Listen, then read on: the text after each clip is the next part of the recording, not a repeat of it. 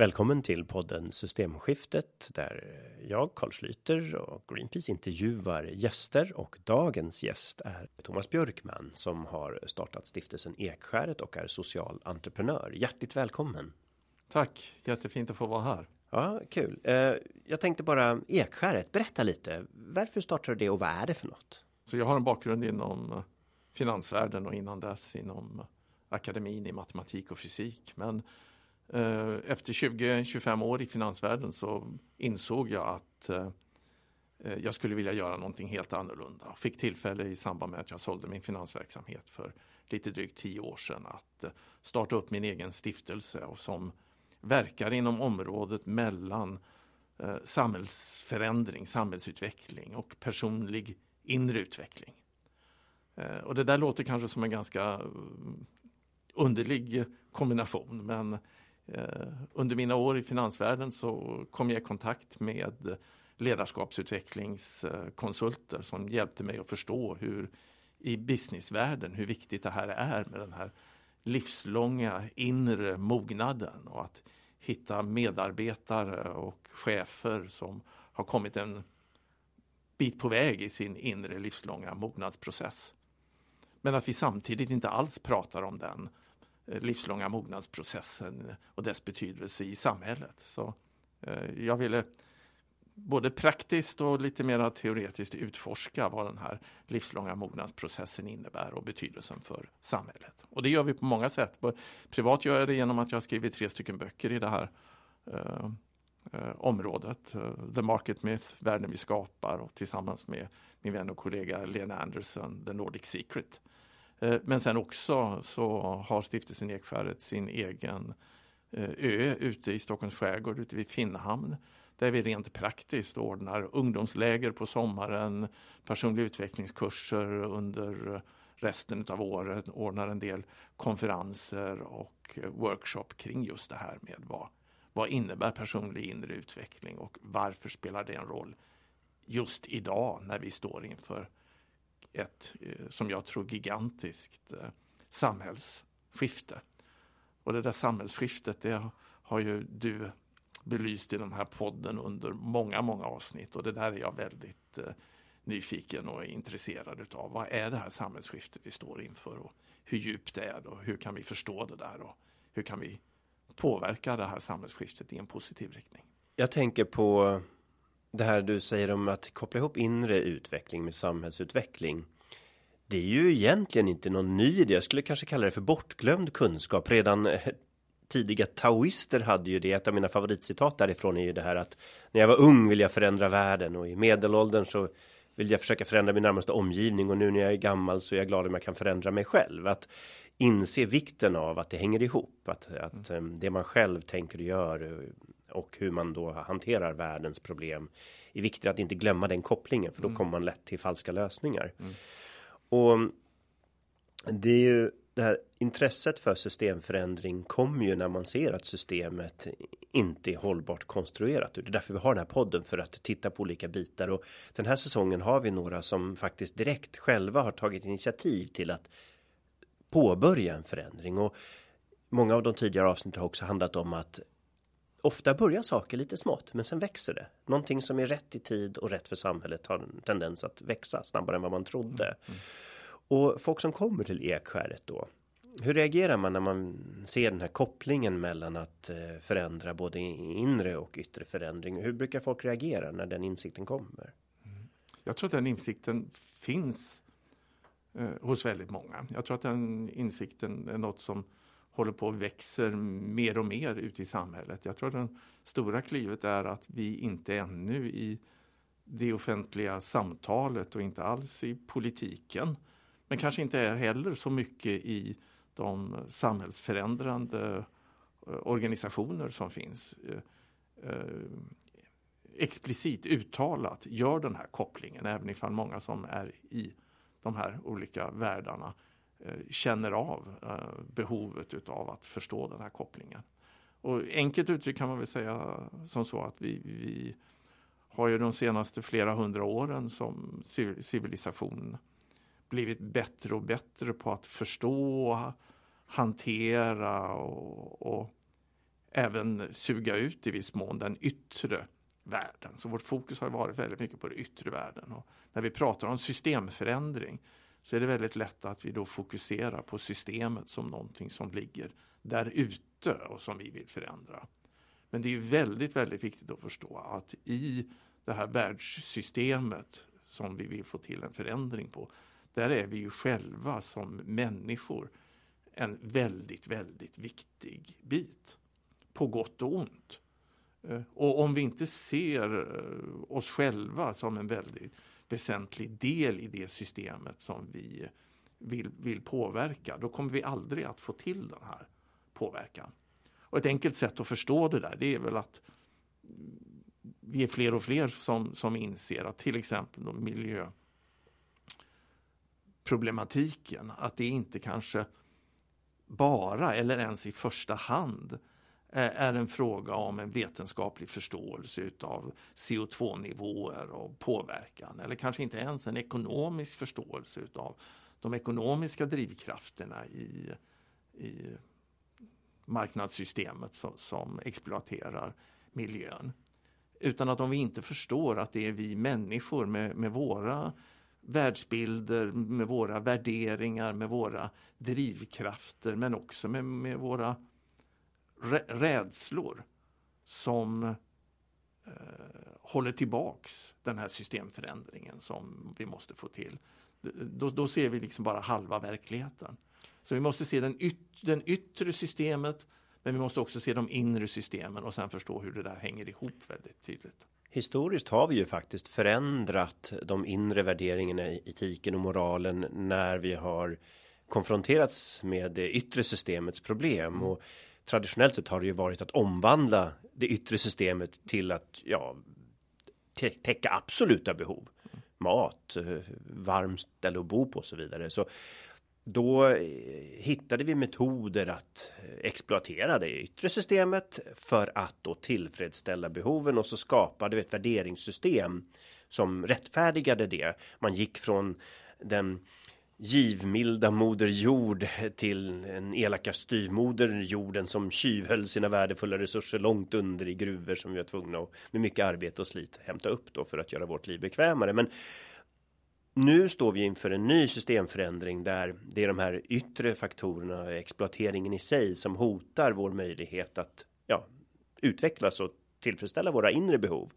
Men eftersom det då ofta i det här fallet då faktiskt också handlar om värderingsförändringar så vet vi att värderingsförändringar och förändringar av etik och moral i viss mån, men ännu svårare är att förändra just värderingar. Mm. Även om behovet finns så finns det ofta en försvarsmekanism mot att förändra värderingarna. Så hur går en sån här värderingsförändring till? De yttre omständigheterna tvingar oss till det. Mm. Men ofta när vi har ändrat våra värderingar har vi faktiskt kommit ut i andra ändar med bättre liv. Mm. Eh, vi har ju fått bekvämare liv på många sätt samtidigt mm. som det har skett. Och så vilken förändring av värderingar behövs och hur skapar vi en tro på det, att, att de här förändringarna faktiskt leder till något gott, inte bara en negativ respons på yttre krav, utan hur kan vi utnyttja det till att göra livet bättre på andra sidan? Ja, och, och, hur går de här värderingsförändringarna till? Och vad är det som gör att vi som individer har vissa värderingar och hur kan de utvecklas över livet? Men också hur samhällen har värderingar. Ehm, men sen tror jag också att det är viktigt att förstå att den här eh, systemkrisen som vi är inne i just nu. Eh, och där skulle jag verkligen vilja eh, lyfta fram att jag tror väldigt starkt att Eh, till exempel då miljökrisen som vi ser. Men vi ser ju också en, en kris i psykisk ohälsa. Vi ser en kris i det demokratiska systemet. Eh, alla de här olika kriserna tror jag inte är egentligen olika kriser. Utan jag tror att det är, är symptom på en underliggande större kris. En, en superkris eller hyperkris eller vad jag skulle vilja kalla det för en metakris. Och meta med det menar jag att den ligger på en helt annan nivå. det är egentligen en väldigt mycket djupare kris vi har. Och jag tror att den här krisen vi har det är faktiskt i våran världsbild och vårt meningsskapande system. Och eh, sådana kriser, djupa kriser och sy djupa systemförändringar, det har ju mänskligheten genomgått många, många gånger. Eh, under mänsklighetens historia. Men det är ganska långt emellan dem. Och den senaste gången som vi i västvärlden genomgick en sån djup systemförändring. Det var ju under upplysningstiden. När vi gick ifrån ett medeltida samhälle med en medeltida religiös dogmatisk världsbild. För att under då upplysningstiden och franska revolutionen och den här väldigt tumultartade perioden vi hade där komma ut med en helt ny världsbild, en vetenskaplig, rationell världsbild. Vi lämnade medeltida feodala systemet att ordna samhället och gick in i en modern samhällssystem eh, som sen ledde till demokratin och så vidare.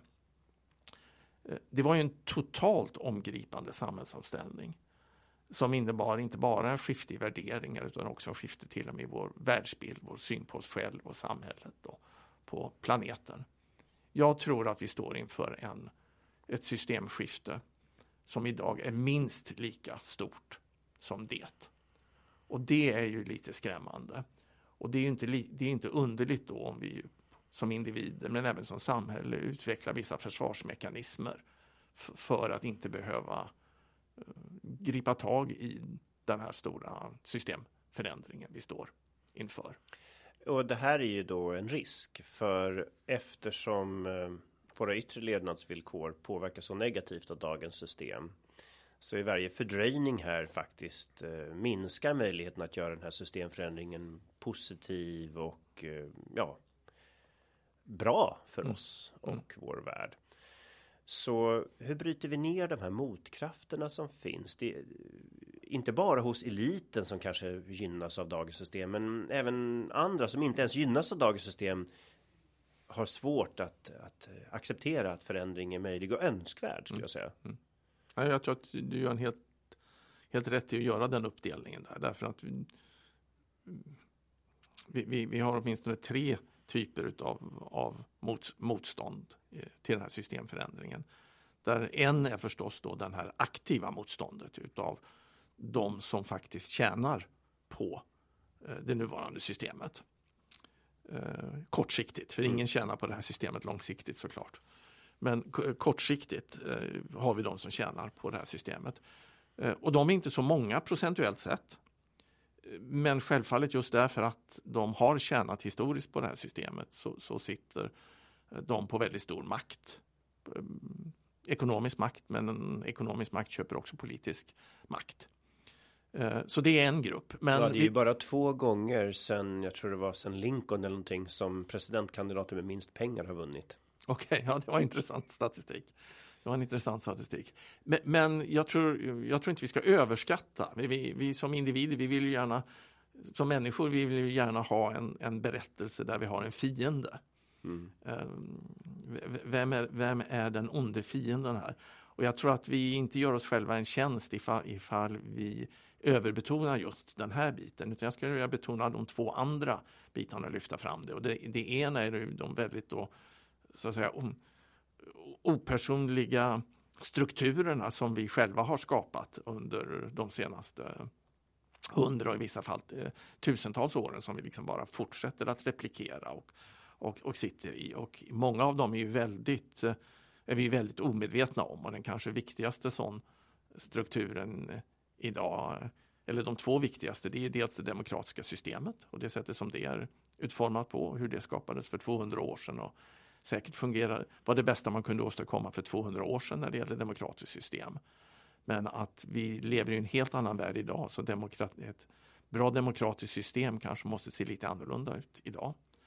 Men kanske ännu viktigare så är det marknadssystemet och hur vi väldigt omedvetet men också i vissa fall medvetet har skapat ett marknadssystem som eh, har en massa, massa positiva effekter som ju har gjort det möjligt för oss att leva i det här samhället med modern medicin och med, med mat och med, med värme i våra bostäder som vi aldrig skulle vilja vara utan.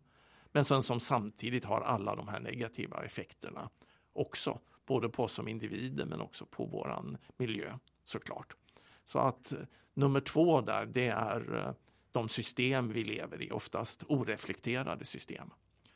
Och sen den tredje anledningen, och det var den du var på väg in till där, det är ju att det allra största flertalet människor som inte tjänar på de här systemen, där har vi ändå en, ett motstånd mot systemförändring. Och att det motståndet är ofta rädslodrivet. Och det är klart att när vi hamnar i situationer där vi eh, inte vet vad det är som pågår och vi är, blir eh, rädda, då har vi ju från eh, evolutionen liksom fått den överlevnadsinstinkten att nej, men prova inte för mycket nytt nu utan gå på det som, det som har funkat liksom och reagera med, med, med, med magen på det här. Och de reaktionerna att bara hålla kvar eller försöka gå tillbaka till det man såg fungerade för 20 eller 30 år sedan.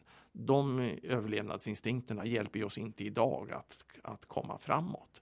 Ja, men en annan förklaring till dem kan ju också vara att om du har väldigt pressat liv med små marginaler då har man inte råd att chansa på förändring utan man måste då veta att förändringen blir trygg annars mm. kommer man aldrig acceptera den och det här tror jag det politiska systemet inte riktigt har tagit hänsyn till att eh, det är lätt att raljera över bensinprishöjningsmotståndare och så vidare men om man har inga marginaler kvar då är man också inte särskilt mottaglig för förändringar som kan påverka det lilla man har Nej. utan då då är det lättare att bevara, mm. försöka bevara, mm. även om det inte ens är möjligt att åtminstone bekämpa förändringen.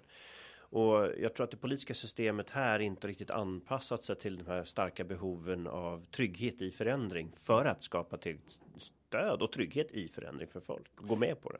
Nej, där, därför att de här systemen har inte behövt göra det förut för att de senaste hundra åren i alla fall så har ju eh, de förändringar som hela tiden har skett i samhället, de har ju varit eh, över tiden sett väldigt stora men de har ju hela tiden varit eh, inkrementella och med ganska små steg. Och upp, upp till i alla fall för 20 år sedan så var ju alla de här små stegen vi tog i alla fall i Skandinavien också förenade med att Eh, de flesta människor i samhället också fick det bättre. Ehm, men nu då för första gången så står vi inför en sån här djupare systemförändring, väldigt djup, djup systemförändring. Som inte bara handlar om att vi ska liksom glida lite grann på våra värderingar som vi har gjort såklart i rätt riktning under de senaste 20, 30, 40, 50 åren utan där vi kanske till och med måste ändra samhällssystem och ändra vår världsbild och sådana här saker. Och då blir just den här eh, rädslobiten väldigt väsentlig. Och den kan vi hantera på två sätt. Eh, där det ena är ju precis det du var inne på där, att eh, kanske då skapa system för den här tryggheten. Och där är det många som pratar om till exempel en medborgarlön. Ehm, och jag kanske inte tror att en medborgarlön är en del utav vårt samhälle om, om 20 eller 30 eller 40 år. Då tror jag vi har kommit kanske till någonting helt, helt annorlunda. Men jag tror att en medborgarlön till exempel skulle kunna vara en sån eh, åtgärd som hjälper fler människor att inte känna den här rädslan inför eh, framtiden. Så det är vad vi kan göra på systemnivå. Och sen, och det är kanske där då som, som stiftelsen Ekskäret har fokuserat under de senaste åren, det är att titta på vad, hur kan vi hjälpa oss själva som individer att utveckla de inre förmågor och kapaciteter som behövs just för att eh, kunna förstå och vara en aktiv medskapare i den här systemförändringen.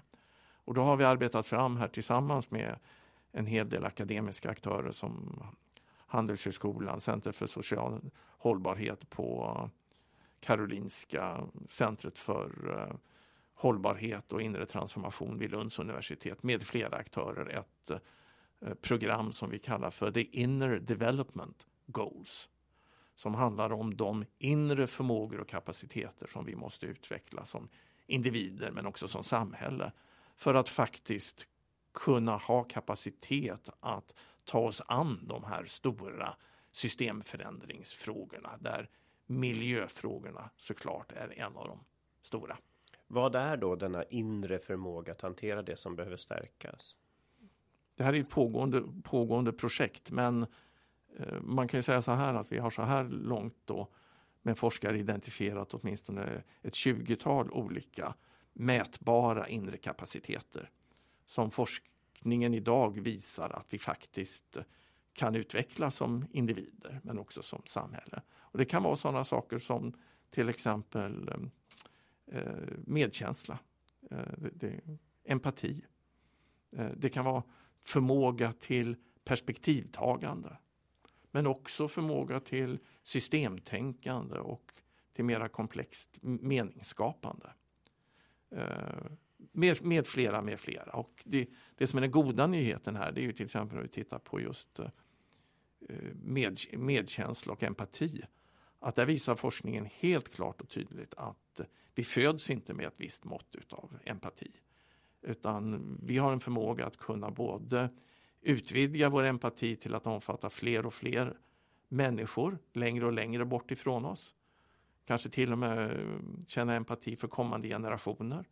Men också inte bara att utvidga vår förmåga till empati utan också att fördjupa den. Det är den goda nyheten. Den lite sämre nyheten det är att den, den här förmågan, precis som de här andra inre förmågorna som vi har definierat i våra inner development goals, de går inte bara att lära ut på ett traditionellt sätt. Du kan inte bara skicka en medarbetare i din organisation som du tycker behöver utveckla sin förmåga till empati till en tre dagars intensivutbildning i empati. Och sen kommer hon eller han tillbaks med ett diplom där och är nu då mer empatisk. Så funkar det inte. Utan det här är ju djupare psykologiska processer som vi måste utveckla och det tar lång tid att utveckla och eh, det, det, krävs ett hållande sammanhang för att utveckla det här. Men det är helt klart att, eh, att det går. Empati är ju någonting som som du var inne på, vi, vi, är ju även födda med empati. Vi har i den lilla gruppen, i familjegruppen och så, så finns det ett stort mått av empati och ja, till och med hudkontakt ökar oxytocin som i den lilla gruppen då ökar empatin inom gruppen och så vidare. Så att mm. det finns ju de mekanismerna medfödda. Absolut. Eh, men, men, men, tyvärr är det ju precis som du säger att det, det som är medfött det är ju för, för familjen i första hand och i andra hand för någon som ser ut och tänker som vi själva. Ja, precis. Det, tillitsforskningen visar att det är lättare att känna tillit till någon som påminner om en själv mm. i, mm. i yttre och så. Mm. så att för att utvidga det här i en global värld då så behöver vi stärka de mekanismer som redan mm. finns i oss. Mm. Och eh, då tittar jag lite grann på hur dagens samhälle Kanske är det så också att dagens samhälle aktivt pressar bort de här mekanismerna. Mm. Marknaden har ju inget empatiskt i sig som sådan utan den har helt andra verkningssätt. Och det här i något annat avsnitt har vi pratat lite grann. Jag tar ofta upp det här just att när allting ska sättas ett pris på, när allting blir en marknadsvara. Då, då tar man bort eh, relationer, allt blir snarare transaktioner mm, människor mm. emellan istället för relationer som vi ofta har byggt tidigare civilisationer på. Eh, och då undrar jag, om man försöker stärka det här, då finns det kanske en del saker i dagens samhälle som vi måste ta bort, som trycker bort empati och tillit. Och, och vad, vad ska man kunna titta på där? Mm. Nej, men du, du, du, du är inne på någonting väldigt viktigt eh, där. Eh, det är ju helt klart så att eh, en viktig bit är att kunna eh, navigera en sån här systemförändring. För alla systemförändringar är ju turbulenta. För vi har ju ett gammalt system på något sätt som håller på att dö. Eh, och sen ett nytt system som vill födas fram. Eh, men de här djupa systemförändringarna, de är ju alltid vad systemforskare kallar för emergenta. Och det, och det betyder i klartext att det inte ens i teorin går att förutsäga exakt vad som kommer att komma ut på andra sidan. Och Det betyder också att det inte går att planera eller managera en sån här systemövergång. Men att det definitivt går att underlätta och understödja en sån här systemövergång. Och skapa mekanismer för människor att aktivt delta i den. Exakt. är också viktigt. För, för det finns ingen central makt som i oändlig vishet kan planera övergången. Utan det måste vara ett sam, ja, självorganiserande mm. projekt på ett sätt. Ja, absolut. Och det är därför min min bok heter Världen vi skapar. Alltså det, världen skapas inte utav, av några andra eller någon, någon elit eller någonting utan särskilt tydligt blir det i sådana här systemövergångar. Att där, där är vi alla, antingen vi är medvetna om det eller inte medvetna om det så är vi antingen replik så är vi samtidigt både replikerare utav det gamla systemet och nyskapare utav det nya systemet. Men det leder ju till en turbulens och i en sån här turbulenstid så, så är det väl när de här yttre tydliga eh, reglerna och förståelsen för vad samhället är och min roll i samhället, när det faller sönder, då blir det så enkelt för oss individer att vilja söka oss till någon form av extern auktoritet. Och det kan vara en dogmatisk religion eller en auktoritär ledare. Det kan vara en Erdogan eller en, eller en Trump. Eh, och det är väldigt viktigt då i en sån här övergång att hjälpa så många människor som möjligt att, att inte vara desperat beroende av en extern auktoritet utan att faktiskt utveckla eller komma i kontakt med sin egen inre kompass på ett sätt att man själv kan känna av vart ska jag gå i den här röran och vad kan mitt bidrag bli i den här röran? Och väldigt mycket av den här inre utvecklingen och de här, utveckla de här inre förmågorna, det handlar också om att komma i kontakt med och utveckla sin egen inre kompass och bli mera självledande. Och faktiskt demokratin beror, hänger på att en stor del av eh, oss, vi väljare inte bara gör vad andra säger eller vad auktoritärer i vårt system säger utan att vi faktiskt har en tillit till vår egen förmåga att, att navigera det. Och för att knyta det då till din fråga där så är det ju så att dagens marknadssystem, eh, inte minst kommersialismen, den bygger ju väldigt mycket, marknadsföring i sig bygger ju på just att vi har den här osäkerheten och att vi gärna vill ha samma prylar och saker och samma konsumtionsmönster som våra eh, externa auktoriteter och bygger på att vi har den här inre osäkerheten och tror att om vi köper de här kläderna eller den här bilen eller vad det nu är eh, så, så kommer vi att komma över den här osäkerheten. Eh, men det gör vi inte såklart genom bara att köpa saker utan det är ett inre arbete som krävs. Så där har du helt rätt. Vårt system motverkar idag också väldigt mycket det här, vår förmåga att kunna aktivt delta i den här systemtransformationen. Ja, och det är ju det är kanske så att det är enkelt för en människa att eh, det är enklare för en människa att eh, hitta en specifik fiende. Det är någon ond toppchef som bestämmer allting och, och eller att det är någon, någon god frälsare som politiker populist som ska hjälpa mig att lösa allting. Mm. Och att jag då blir en del av ett kollektiv och jag är en flockvarelse och då är, så känner jag mig trygg. Jag slipper ta eget ansvar för mm. mina egna inre tankar mm. och beslut. Och, mm det är ju ganska lätt för någon att exploatera eh, dessa känslor. Antingen hatet eller beundran för någon i toppen. Mm. Eh, och, och, man kan ju också säga det att igen då i ett mer stabilt samhälle som vi har haft de senaste 200 åren. Även om vi har haft krig och alla de här bitarna så har vi i Skandinavien varit väldigt förskonade från det. Och, eh, så har vi ju inte haft anledning att skapa ett skolsystem som skapar allt för fri, fri, eh, självständiga och självtänkande individer. Utan vi ska vara medvetna om att det skolsystem vi, vi har eh, idag är ju en produkt fortfarande utav det tidiga industrisamhället och industrisamhällets behov av arbetare och tjänstemän. Eh, men nu i en sån här samhällsövergång, då är det ju helt andra förmågor än bara ja, lydnad och replikering utav kunskaper som måste till. Inte på det sättet att jag på något sätt eh, eh, ring, ringaktar behovet utav traditionell kunskap. Tvärtom så tror jag att för att kunna se de här stora skiftena som vi är i just nu så behöver man kunna ta de här stora perspektiven, kanske inte minst historiskt stora perspektiv, liksom, och se hur mänskligheten har gått igenom de här övergångarna många gånger.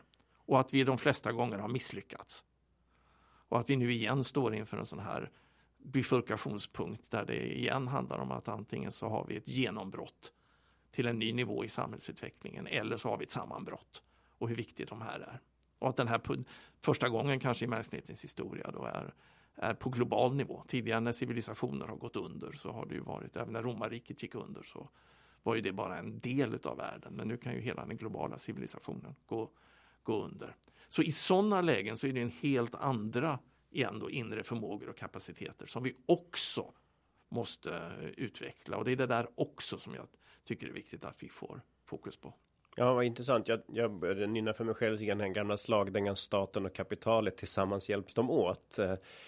För det är lite grann det kanske var industrisamhället så var det nyttigt för, för makteliten och eh, att öka produktionen var viktigt. Så då var det bra att ha lydiga lojala arbetare som eh, kunde hållas eh, ganska väl materiellt eh, höjd standard och så den här lydnaden var ganska passande i det skiftet för man behövde göra alla de här förändringarna och de kom många till del. Man fick bättre ekonomisk standard, men det här kritiska självtänkandet nu om vi står inför en systemförändring som är svår att planera. Vi kan göra vissa saker. Vi, vi är medvetna om att vissa saker är fel och vi kan ändra vissa saker i vårt system.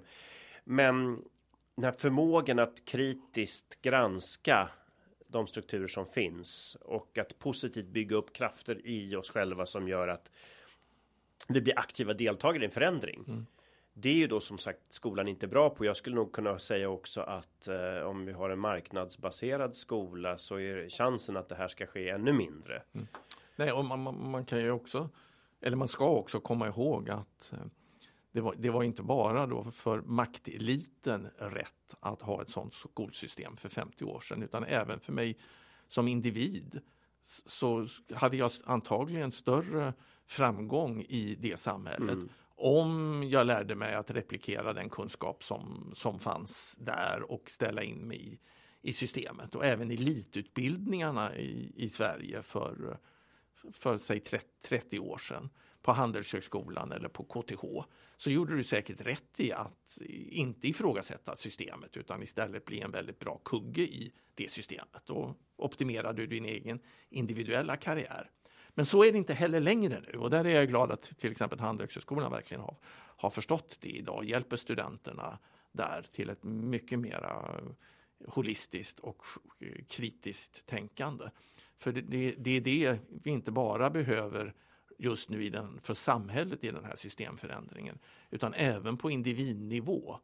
Om, om du som förälder idag ska ge dina barn en utbildning eller hjälpa dem till en utbildning som kommer att hjälpa dem att navigera i deras privatliv så handlar det om exakt samma förmåga till att ha en egen inre kompass, att kunna känna empati, ta perspektiv och eh, mera komplext tänkande och alla de här bitarna. Så det, det här är bra för dig som individ, det är bra för dig som organisation och det är bra för planeten i det här systemskiftet. Och att koppla då denna inre förändring hos ekonomer så har jag ofta noterat en övertro på att deras teorier har en koppling till verkligheten på mm. ett konkret mm, sätt. Mm, mm, och som mm. kemist som jag är då så är det ju en kemist är alltid väldigt tydlig med under vilka förutsättningar gäller denna teori? Mm. Vilka temperaturintervall eller tryckintervall eller vad det nu kan vara för parametrar och kombinerar man två teorier så måste båda systemvillkoren vara uppfyllda från respektive teori för att den ska kunna vara tillämpbar. Mm. Och här tycker jag ekonomin ofta frikopplar sig själv från de grunder den byggde på. Mm. Och då, då tycker jag det är intressant, för Simon Hicks London School of Economics. Där är de då han tvingar sina elever att läsa termodynamik just för att bibehålla den här förankringen i vetenskap och verklig värld. Mm. Mm. Eh, och det tycker jag man kanske ofta kunde kräva av ekonomer att deras teorier blir mer tillämpbara i den verkliga världen, inte bara teorin. Det, jag har upplevt precis samma som du. Jag, eh, jag är inte kemist, jag är fysiker i botten men också då en, verkligen naturvetare och ser styrkan i, i det paradigmet. Men eh, efter att ha läst fysik så, så läste jag lite ekonomi eh, och jag fick precis samma, samma reaktion där. Jag menar att eh, alla vetenskaper gör ju starka, starka förenklingar för att få till sina, eh, för att få till sina modeller. Men eh, inom fysiken, precis som inom kemin då, så, så, ställer vi oss alltid frågan, ja men nu har vi ju gjort de här förenklingarna, hur ser verkligheten ut? Vad får vi göra för anpassningar här nu för att det här verkligen ska återspegla verkligheten och inte bara en modell? Ehm, så när jag först stötte på de här då e-, ekonomiska modellerna som ju verkligen har fysiken som, som idealbild att försöka eh, efterlikna så var man ju tvungen då på 1800-talet att göra totala förenklingar och antaganden om att eh, alla beslutsfattare är rationella och vet det bästa för sig själva och, och sin framtid. Perfekt information, perfekt konkurrens och så här. Så jag frågade min professor då som 20-åring eh, det här är ju bra de här modellerna men när börjar vi titta på verkligheten? Och han var ju då så pass klok faktiskt, så han sa ju rent ut att nej, men det gör inte vi som ekonomer. Därför att verkligheten med människor där ute är så komplex att vi kan inte modellera den. Utan vi håller oss i de här väldigt abstrakta verklighets nästan frånvända modellerna och hoppas att de ändå säger någonting om eh, verkligheten. Och Det tycker jag var väldigt klokt. Och han var ju professor i nationalekonomi då. Men det är få idag som har den insikten kring de här gamla modellerna, att de säger så lite. Utan tvärtom i det här neoliberala paradigmet, som ekonomiska paradigmet som ju har härskat över världen de, de, de senaste 50 åren, eller 40 åren i alla fall. Eh, där finns det en övertro på de här matematiska eh, modellerna och på vad marknaden kan och, åstadkomma och, och så. Och det var ju också någonting som jag sen under min karriär som, som bankman under 25 år kunde få uppleva från insidan att se att när jag skulle förstå då som entreprenör inom finansbranschen, jag startade ju en bankverksamhet från, från scratch här i Skandinavien och, och sen också i, i, i Schweiz, att när jag skulle förstå marknaden så var det inte inte de neoklassiska ekonomiska modellerna som bäst hjälpte mig att förstå det. Utan det var istället att titta på de sociologiska modellerna och titta på marknaden som en, en mänsklig social konstruktion. Och inte se marknaden som ett naturfenomen som ekonomer försöker göra och, och modellera det med fysikens modeller. Utan istället se marknaden som ett mänskligt skapat fenomen.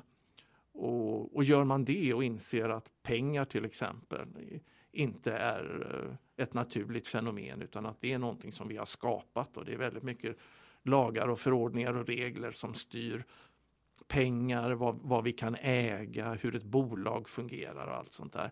Då, då inser man att även om det skulle nu tror inte jag att det finns något som skulle vara en rent fri marknad, men även om vi skulle prata om en fri marknad, så även den fria marknaden skulle kunna se ut på väldigt, väldigt många olika sätt och skulle kunna ta väldigt mycket mera hänsyn till till exempel naturen och skulle också kunna ha fördelningseffekter som skulle se väldigt, väldigt annorlunda ut.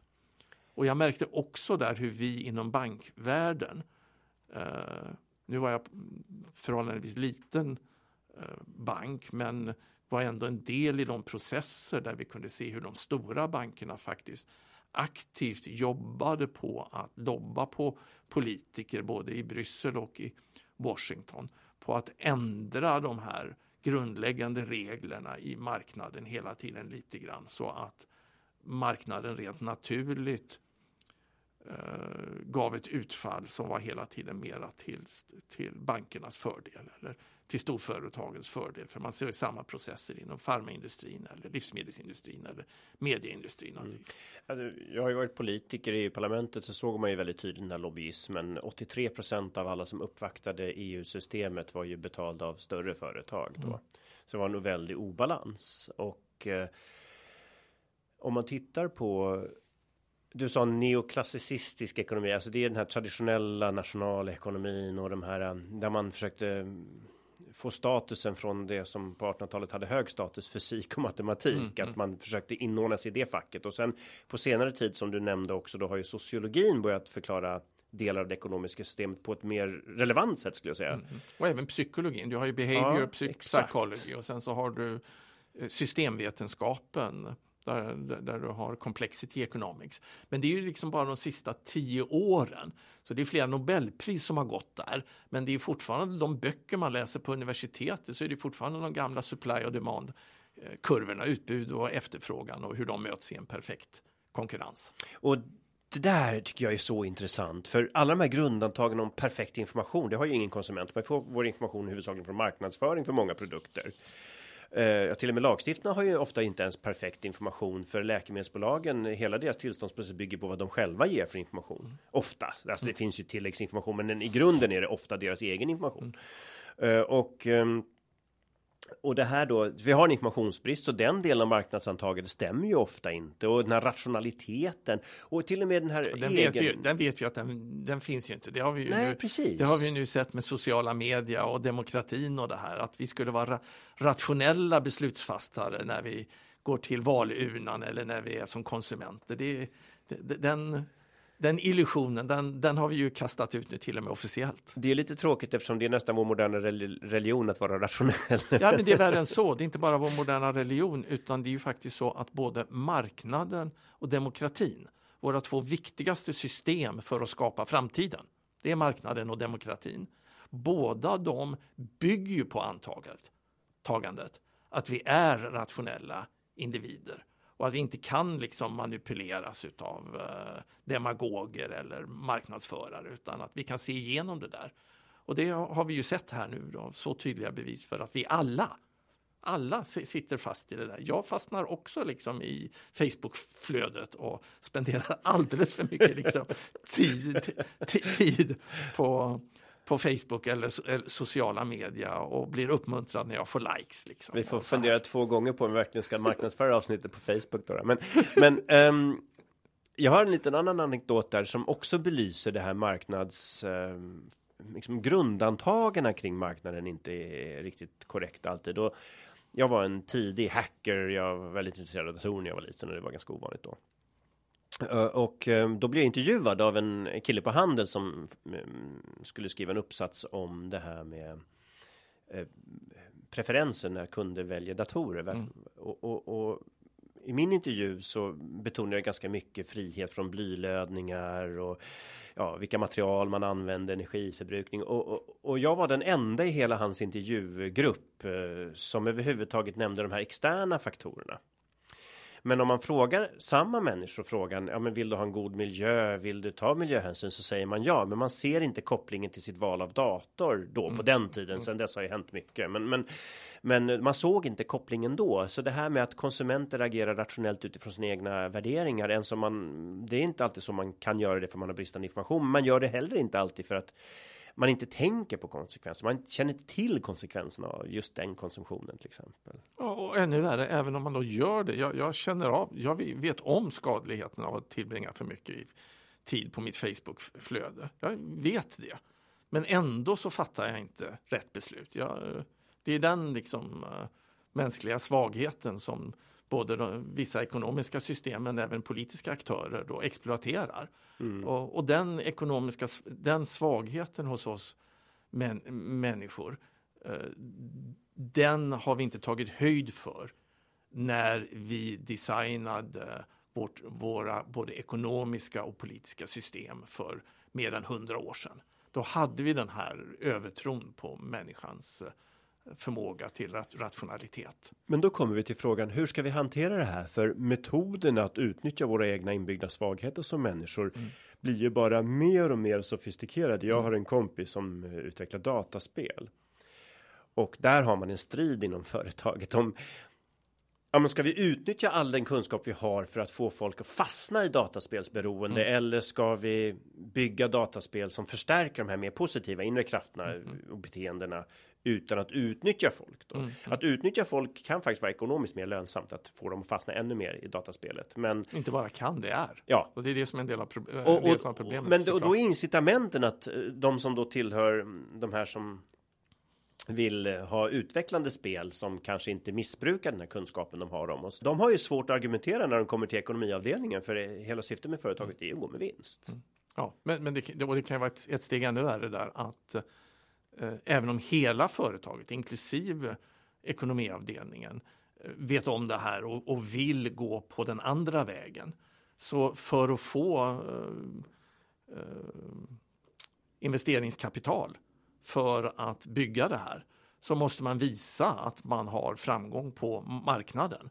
Och för att kunna göra det så måste man då kanske gå den andra vägen.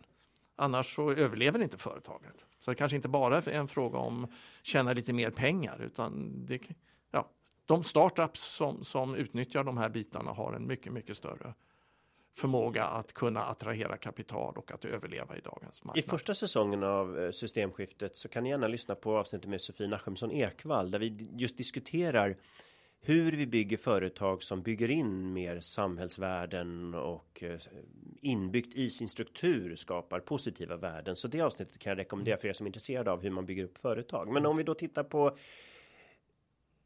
vad skulle du förespråka för lösningar för att förstärka de här inre krafterna eh, för att få människor att aktivt delta i systemförändringen och inte vara rädda för den.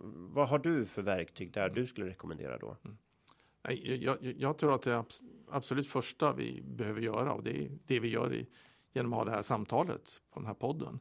Det, det, det är ju att få upp de här frågorna på agendan och inse att det här är viktiga frågor.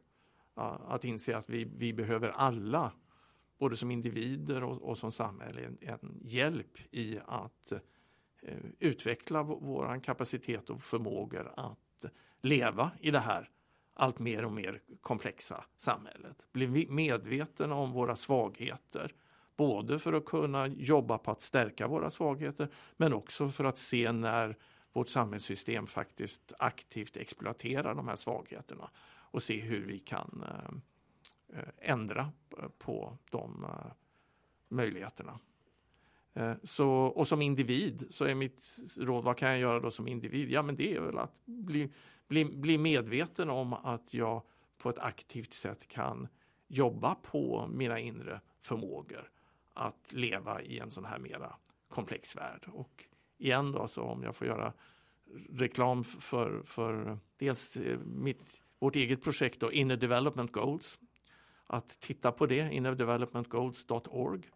Men sen också skulle jag gärna vilja nämna två filmer som väldigt väl belyser precis det vi har pratat om här nu. Och det är två som är ganska populära just nu och båda finns på eh, Netflix. Där den ena är The Social Dilemma som kom ut för några år sedan eller något år sedan som handlar just om eh, hur sociala media verkligen mm. exploaterar de här svagheterna. Men sen den andra är det den som är väldigt populär precis just nu, Don't look up med Leonardo Di, DiCaprio i, i, i huvudrollen av Meryl Streep som också verkligen visar hur den här kopplingen mellan våra, våra i, i inre brister och hur det yttre systemet svarar upp på otillräckligt sätt för oss att kunna hantera de här stora existentiella frågorna som i den filmen är kometen som ska träffa jorden men som i verkligheten såklart är våra miljöproblem men också demokratiproblemen och alla de här bitarna. Så det, det är väl värt reflektion. Och om jag nu då känner att jag har lyssnat på den här podden och så tänker jag Ja, Eh, jag förstår. Jag vill utveckla min inre motståndskraft mot att bli utnyttjad av systemet och jag vill bidra till att förändra systemet. Vilka steg kan man börja ta? Ja, man kan titta på lite filmer, man kan läsa lite mer om det här inner development. Eh, men eh, hur mäter man sin egen framgång här? Hur, hur, vet man att man är på väg åt rätt håll så att säga? Vad, vad, kan man se för tecken på människor som har börjat den här inre resan? Hur brukar det yttra sig? Nej, men det, det, det första steget är väl bara att man blir mer helt enkelt självmedveten i i varje steg och, och börjar titta på sig själv lite utifrån och reflektera i varje liten in, mindre handling. Igen då det här exemplet med, med Facebook. Att uh, tänka, är det här verkligen vad jag vill använda min tid till? Och reflektera över hur, hur vill jag använda min tid idag? Vad, vad sätter jag upp för mål för, för det här året? 2022 har just börjat. Men sen också gå tillbaka hela tiden och titta, men vad gjorde jag, vad gjorde jag idag? Hur, hur, hur använde jag min tid idag? Och vad kommer det sig att jag inte eh, kanske gjorde precis det jag, jag hade för, förutsatt mig att göra? Och bara genom att bli lite mer reflexiv kring de bitarna så kommer man väldigt, väldigt långt. Sen kan man ju börja mer aktivt med att man kan meditera och man kan gå olika former av program för personlig inre utveckling och sådana här saker. Det finns massor man kan göra men det första steget skulle jag bara säga att det är att bli mera, bli mera medveten om både sitt eget beteende och börja också se samhället lite grann utifrån. Att, att börja försöka se med den här gamla metaforen, det vattnet som vi som fiskar simmar i. Det här vi brukar bara ta för givet, våran socialt konstruerade värld att börja, börja se den. Och det är ju den här filmen The Matrix, att börja vakna upp till att faktiskt den här världen inte är, en, är någonting som bara är givet av, av, av eh, naturen eller utav Gud utan att det är faktiskt vi människor som har skapat hela det här systemet vi, vi lever i och eh, hur, hur, man kan själv bli en aktiv medskapare.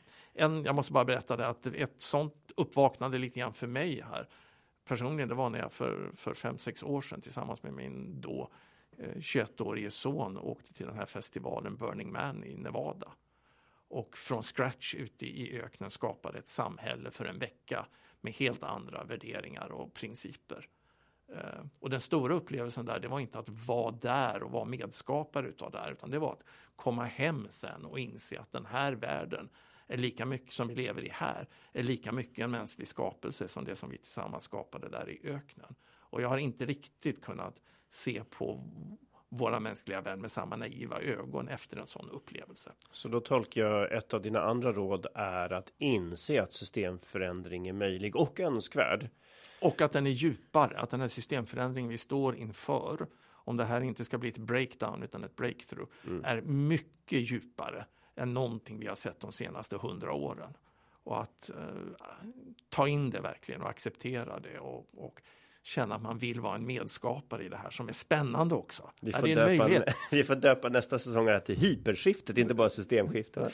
Ja, men, men eh, jag tycker det är kul det här du säger, för min pappa sa alltid till mig. Gör vad som känns rätt när du är tveksam. För då kan du alltid somna med gott samvete. Mm. Mm. Även om det sen visade sig vara fel så gjorde du det som du inne i dig, din inre drivkraft mm. kände var rätt. Och mm. var det fel så har du i alla fall kvar någonting. Mm. Du har nämligen kvar tron på att du agerat med dina ideal.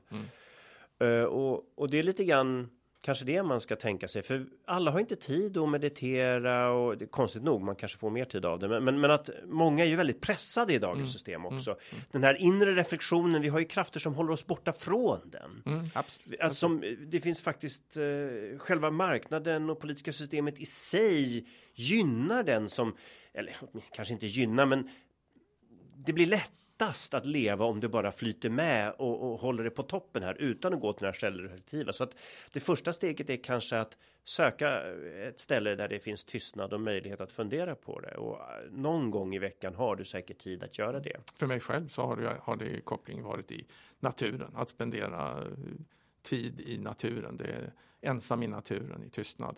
Det, det har för mig varit eh, min största källa till att kunna connecta med djupare lager inom mig själv. Och det är därför kanske också som jag skapat Ekskäret, ön Ekskäret för att just använda na naturen som en katalysator i de här inre pro processerna.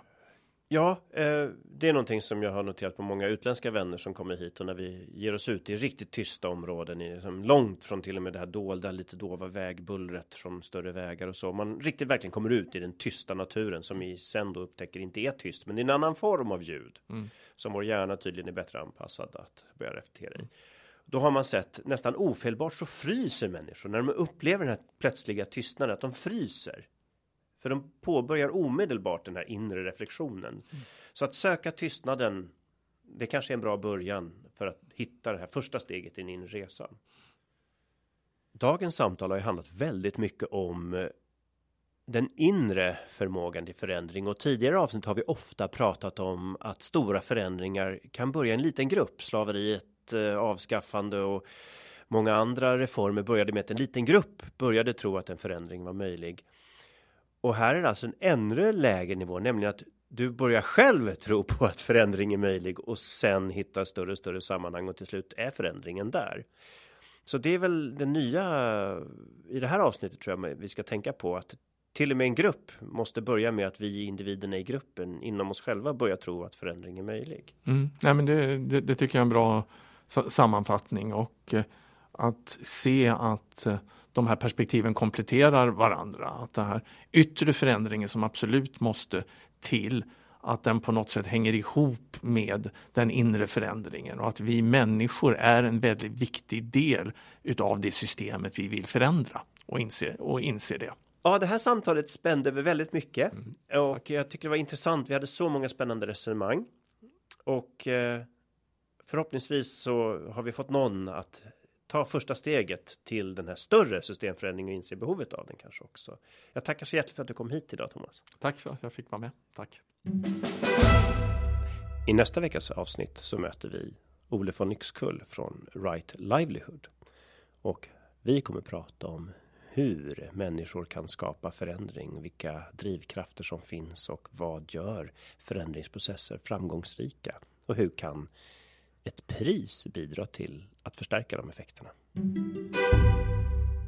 Tack för att ni lyssnade på dagens program som gjordes av Greenpeace där producent är Alexia Fredén, ljudtekniker är Christian Åslund och värd är jag, Carl Schlyter.